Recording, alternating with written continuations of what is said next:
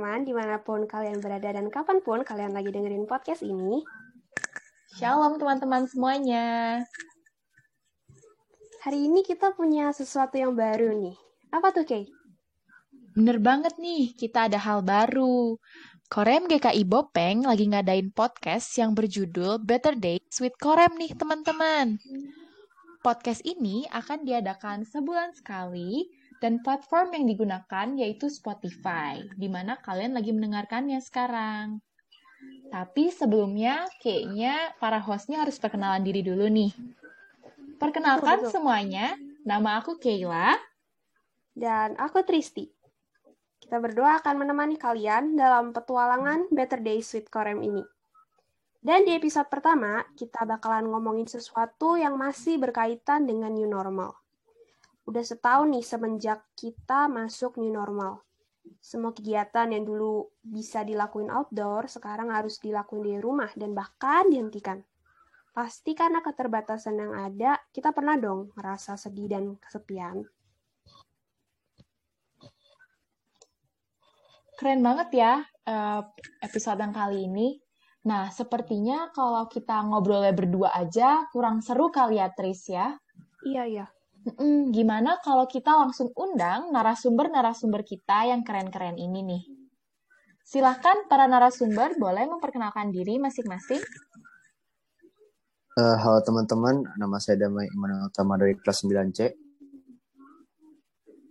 Halo teman-teman, nama saya Radhi Sinaga dari kelas 9F. Halo semua, nama aku Evanger Tertanael, biasa dipanggil Nathan, di kelas 11. Oke, mari kita langsung mulai. Pandemi udah satu tahun nih. Kalian sadar nggak? Kita mulai dari Nathan. Ya, makasih Tristi. Kalau menurut aku ya, aku sebenarnya baru kaget juga sih kalau udah setahun.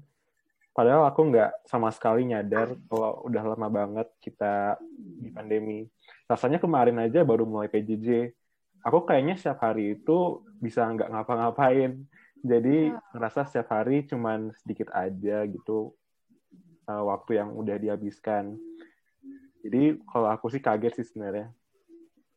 Iya nih, okay. setuju banget ya sama jawabannya Nathan ya. Terima kasih Nathan kayak baru kemarin aja gitu kayak kita merasakan pandemi ini kayak pandemi baru dimulai eh ternyata kita udah naik kelas aja tiba-tiba ya nggak sih Nathan? Benar benar benar banget. Iya mm -mm. benar banget. Nah coba kita tanya yang narasumber kedua kita yuk Tris. Ayo ayo. Kita tanya siapa nih Tris? Kita tanya Rade. Gimana Rade? Kalau Uh, aku sih nyadar karena kayak dia tuh baru mas baru PJJ jadi aku kalau di sekolah sih kalau apa namanya lagi PJJ aku nyadar kalau itu udah setahun ntar tiba-tiba bulan April udah mau itu apa namanya uh, PO jadi kayak tiba-tiba udah masuk udah naik ke kelas uh, ke 10 aja oke okay. Next, kita dengar jawaban dari Damai. Gimana Damai? Nggak? Uh, kal kalau saya sih uh, nyadar sih kak. Sebenarnya saya, saya kan sering buka kalender, jadi ya sering lihat-lihat juga. Wah keren banget ini Damai. Ya Damai tadi sama kayak Rade kan ya, berarti baru masuk SMA. Uh, iya kak, B mm. baru mau masuk. Oh iya, baru mau masuk ya kelas 9 ya. Oh iya ya, kayak berarti kalian merasakan TO-TO-nya itu dari online-online gini ya sekarang ya? Uh, iya, Kak. Oke. Okay. Nah, tadi ada yang nyadar, ada yang nggak nyadar. Nah, selama pandemi dimulai ini, kalian pernah nggak sih merasakan sedih atau kesapian? Kayak perasaan kalian seperti roller coaster gitu. Pernah nggak sih kalian? Gimana kalau kita mulai dari damai? Damai pernah nggak merasakan hal itu? Eh, kadang-kadang aja sih, Kak. Kadang-kadang ya sering masak sendiri gitu. Oh gitu ya. Um, kalau itu menurut Damai, gimana kalau kita tanya Nathan? Nathan pernah nggak merasakan kesepian Tan? Wah, kalau aku sih sebenarnya biasa aja sih pas pandemi. Malah aku kayaknya lebih mending kalau di rumah mulu. aku orangnya bukan yang outgoing banget gitu. Jadi aku selalu have fun aja. Jadi jarang ngerasa sedih atau kesepian sih. Tapi emang kadang-kadang aku bakal ngerasa sendiri. Tapi cuman nggak sebanyak orang lain sih sebenarnya. Jawaban Nathan positif banget ya. Emang Benar. emang orang tuh beda-beda sih ya. Emang ada yang kayak damai, ada yang kayak Nathan. Gimana kalau kita tanya narasumber ketiga kita? Kalau menurut Rade, Rade pernah nggak mengalami perasaan sedih atau kesepian sama pandemi ini? Kalau aku sih ngerasa sedih kak sama sendiri. Soalnya kayak kita tuh jauh dari teman-teman kita terus kayak jauh dari orang-orang yang kita sayang kalau mana-mana juga kita tuh uh, kayak terbatas gitu iya ya hmm, jawabannya memang ternyata beda-beda ya Tris ya? Benar-benar hmm, ya membuktikan ya kalau kita tuh emang bisa merasakan kesepian bisa kan merasakan sedih selama pandemi ini. Dan iya, ada yang kalau kalau kayak yang Nathan gitu yang uh, emang bukan tipe-tipe suka keluar-keluar tapi pasti pernah ngerasa sedih atau kesepian.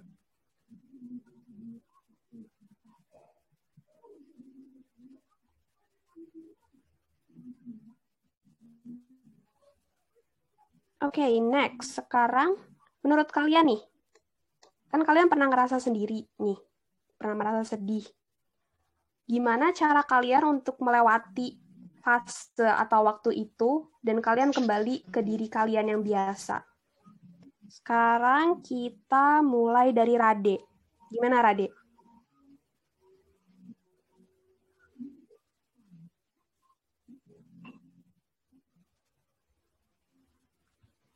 Kalau aku balik ke diri sendiri dengan cara berdoa, Kak. Oke, okay, ada lagi? Jadi kita doain orang yang kita kangen, terus yang kita uh, rasa dia tuh penting buat kita gitu, Pak. Oh my God, ada sweet banget. Oke, okay. uh, next. Nathan, gimana Nathan? Sebelum kita mulai ke Nathan, tadi kan Nathan yang paling positif kali ya, Tris. Jawabannya ya, Tris ya? Oh iya, iya, benar, oh. benar. Tapi dia juga bilang kan, dia pernah merasakan kesepian ya, Tan ya? Iya nih. Uh -uh, dan ini kan si Tristi nanya nih, kayak bagaimana kamu melewati rintangan kalau kamu pernah merasa sendiri. Tapi kalau untuk Nathan, gimana kalau kita putar pertanyaannya kali ya Tris ya? Kita ganti dikit. Gimana caranya gimana? Nathan bisa nggak merasakan sedih gitu? Gimana dia bisa positif gitu selama pandemi ini? Wah bagus nih pertanyaannya. Gimana Nathan? Kasih tahu rahasianya. Hmm, kalau aku emang sebenarnya nggak merasa sesenang aku kalau sendiri dibandingkan kalau aku main sama teman-teman. Aku orangnya lumayan introvert ya. Jadi aku lebih suka kalau misalnya sendiri aja di rumah atau mungkin hobi aku lakuin hobi aku sendiri misalnya. Terus kayak alone time itu menurut aku emang bener-bener bikin aku nyaman aja sih daripada harus melakukan interaksi sosial tapi juga pasti menguntungkan buat aku. Aku juga merasa kalau emang untung banget, soalnya di pandemi ini aku sadar kalau orang-orang biasanya juga sedih di nggak bisa ngobrol sama teman-temannya, nggak bisa hang out gitu-gitu. Jadi kalau aku rahasianya gimana ya? Rahasianya aku nggak tahu juga sih. Aku cuma begini aja, kayak aku emang orang-orang beda-beda sih kayak yang Kela bilang. Iya, uh, tapi aku suka banget nih sama jawaban Nathan tadi ya. Nathan bilang uh, dengan kita di rumah aja kita malah jadi bisa mengembangkan hobi-hobi kita ya, Tris ya. Iya, benar banget. Mm Oke, sebelum kita lanjut lagi, kita tanya yang ketiga kali ya. Narasumber kita ketiga dulu, Tris. Ya. Jadi, gimana Damai kalau kamu sedang merasa sedih, apa yang kamu lakukan untuk merasa bisa merasa balik seneng lagi, bisa balik ke diri kamu sendiri? Uh, kalau saya sih kak, ya pasti kayak main game bareng teman, terus juga uh, setiap Senin Jumat saya saya juga uh, latihan basket keluar gitu kak sama teman-teman. Oh gitu. Oh berarti Ada ini lagi? Damai keren juga ya dia menggunakan teknologi ya Tris ya dia main Iya, game sama teman-teman ya. Iya sih itu bener banget sih itu. Itu sangat melepaskan stres ya Damai ya. Uh, iya kak. Itu sistemnya online gitu kan ya kalau game-game gitu tuh. Uh, iya online kak. Hmm, Jadi dia ini ya Tris ya. Jadi tidak ada yang bisa Memanfaatkan menghalangi gitu. Bener. Bener banget, bener banget. Oke, terima kasih teman-teman tadi udah sharing kayak rintangan dan rahasia gitu ya. Kayak kalau mau bangkit ke balik lagi ke diri sendiri itu gimana caranya. Nah, sekarang aku mau nanya, mungkin eh, buat yang Nathan tadi, Nathan kan udah bilang kalau misalnya orang tuh beda-beda dan pasti Nathan pernah dong ketemu sama orang yang lagi merasa kesepian saat pandemi ini atau Damai pasti juga pernah dong. Mungkin kakak Damai lagi merasa sedih atau keluarga Damai atau mungkin teman Damai ataupun juga Rade juga pasti pernah dong bertemu dengan orang yang merasakan kesepian lagi down seperti yang tadi udah kita omongin itu. Nah, kalau kalian lagi ketemu sama orang yang kayak gitu, apa sih yang bisa kalian lakuin untuk orang itu? Gimana kalau kita mulai dulu dari host kita gimana nih? Host kita belum kita tanya nih. Kalau Tristi, pernah nggak Tris ketemu sama orang seperti itu? Banyak dari teman-teman aku yang selama new normal ini mengaku kayak kalau mereka sedih gitu. Bahkan ada satu yang kemarin cerita ke kita-kita kalau dia sampai benar-benar membayangkan di depannya tuh lagi ada kita teman-temannya. Jujur aja aku juga ikutan sedih sih dengarnya kayak orang-orang tuh yang terdampak itu tuh nggak hanya dari dari hal-hal yang selama ini kita lihat hal-hal besar, tapi juga hal sekecil atau seremeh emosi yang sering kali kita pandang sebagai bukan yang it's not a big deal itu tuh juga bisa mempengaruhi kehidupan gitu kayak. Kalau aku ketika aku tahu temanku sedang sedih biasanya aku tanya "Eh, kamu mau ngomongin ini nggak? Kan orang-orang beda-beda ya. Ada tipe-tipe orang yang kalau dia sedih sukanya di-share, ada yang dia lebih suka di-keep sendiri sampai dia nanti merasa lebih oke gitu. Kalau misalnya dia cerita, oke aku akan eh, jadi pendengar yang baik. Jadi pendengar yang baik itu bukan hal yang susah kok. Kita hanya perlu menempatkan diri di posisi dia gitu.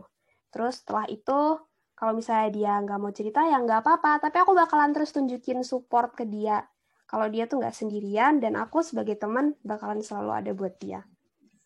Itu dari aku. Oke, terima kasih banyak Tristi. Iya ya, kuncinya adalah bahwa kita harus mau mengerti orang tersebut dan mendengarkan gitu ya. Kita harus menjadi pendengar Iya, yang iya. baik ya. Mm-mm. Nah, itu menurut Tristi. Bagaimana kalau menurut Rade?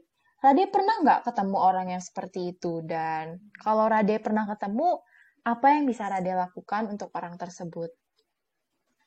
Kalau aku ngasih saran eh, supaya dia berdoa, terus biar itu juga memberikan saran berdoa, terus sama memberikan dia apa ya, dia biar cerita kita, terus kita kasih saran dia apa solusinya gitu menurut aku.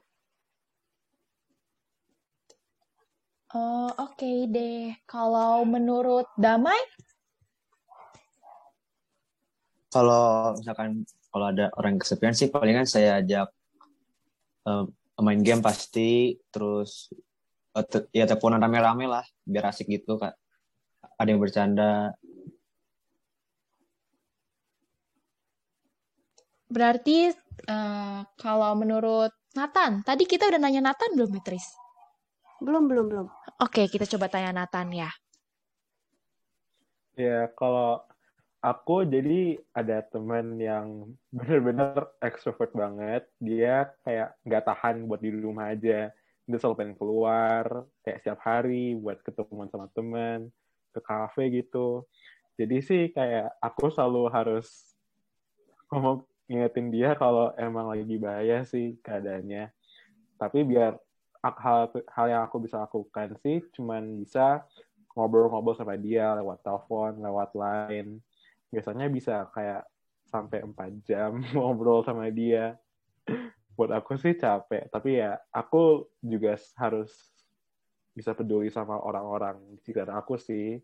Kayak biar mereka nggak kesepian. Soalnya uh, kesedihan itu emang lumayan nggak enak aja sih kok dialamin sama seseorang. Jadi hal yang bisa aku lakukan itu buat buat nemenin mereka biar mereka kesepian lewat telepon jarak jauh Iya, mm, yakinkan bahwa teman kalian atau siapa pun yang lagi merasa kesepian itu bahwa dia tuh nggak sendiri gitu ya, bahwa dia ada kita yang mau mungkin mendengarkan atau teleponan dengan teknologi gitu ya, Tris ya. Iya, benar banget. Mm-mm. Oke, untuk menutup sesi bincang-bincang kita pada hari ini, ada pertanyaan yang gak kalah penting sama pertanyaan-pertanyaan yang sudah kita tanyakan tadi. Apa tuh? Dari apa, apa yang kita omongin nih, menurut kalian, merasa sendiri atau merasa sedih itu normal atau enggak? Hmm, Rade, Rade, menurut kamu ngerasa sedih itu normal enggak? Kalau menurut aku sih normal, Kak. Kenapa? Karena kayak setiap orang tuh beda-beda kan. Jadi ada yang eh, apa ya? Merasa sendiri tuh kayak ada yang suka, ada yang enggak. Jadi kayak ada yang pengen sendiri, ada yang enggak. Oh gitu. Oke, eh, kalau menurut Damai, merasa sendiri itu normal nggak?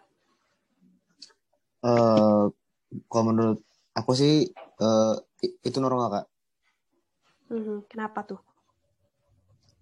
Ya mungkin karena itu kak apa ya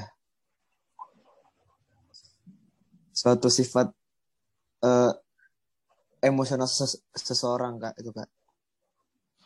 Oke. Kalau menurut Nathan nih, merasa sendiri itu normal nggak? ya normal sih sebenarnya soalnya tadi di- udah dibilang di awal ya kita kan manusia sebagai makhluk sosial. Jadi kita emang butuh orang lain buat hidup gitu. Tapi juga kita nggak harus jauh-jauh sampai ke kita butuh orang lain buat nggak nggak wafat. Tapi juga kita juga butuh orang lain biar kita senang sih. Kayak kita masih membutuhkan orang tua kita teman-teman kita atau bisa kayak pacar kita gitu. Karena itu ya, kalau kalau emang merasa kesepian ya kita juga harus ingat kalau semua orang emang merasa kesepian kok. Cuman orang-orang itu beda-beda cara uh, menjalaninya gimana. Begitu sih menurut aku Setelah tadi udah dengar jawaban dari baik dari Rade, Damai, dan Nathan, jawabannya keren-keren banget gak sih Tris? Kayak kenapa gitu? Alasan apa gitu yang membuat mereka mengatakan bahwa normal itu, bahwa perasaan sendiri itu adalah normal ya Tris? Iya. Nah, aku suka banget tadi ada yang ngomong kalau kita memang sebagai makhluk sosial itu merasakan sendiri itu hal yang normal. Memang benar kalau orang itu beda-beda. Dia ada yang ada yang suka merasa ada yang suka merasa sedih, ada yang ada yang mungkin in- atau dia memang introvert karena dia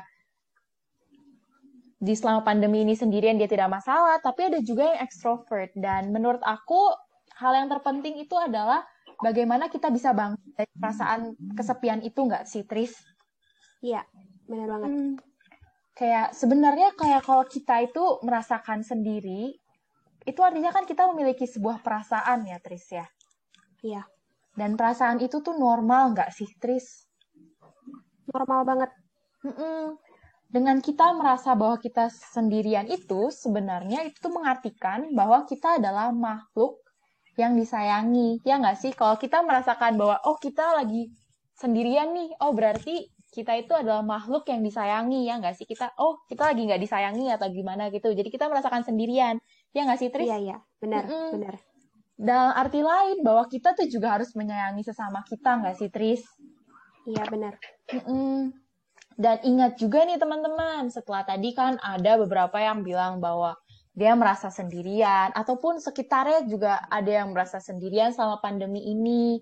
Dan kita tuh harus ingat bahwa seperti tadi jawabannya Rade ya, kita harus berdoa, kita harus berdoa dan ingat selalu akan Tuhan karena Tuhan itu akan selalu bersama dengan kita. Dia akan selalu beserta kita dan tidak akan pernah meninggalkan kita. Ada satu ayat dari Alkitab yang diambil dari Ibrani 13 ayat yang kelima berbunyi bahwa karena Allah telah berfirman, aku sekali-sekali tidak akan membiarkan engkau dan aku sekali-sekali tidak akan meninggalkan engkau. Setuju banget ya Tris ya? Setuju banget, itu ayat yang bagus banget, Cila. Uh, aku yakin teman-teman yang saat ini sedang mendengarkan pasti uh, sempat mengingat-ingat masa-masa uh, ketika merasa sedih dan merasa sendiri.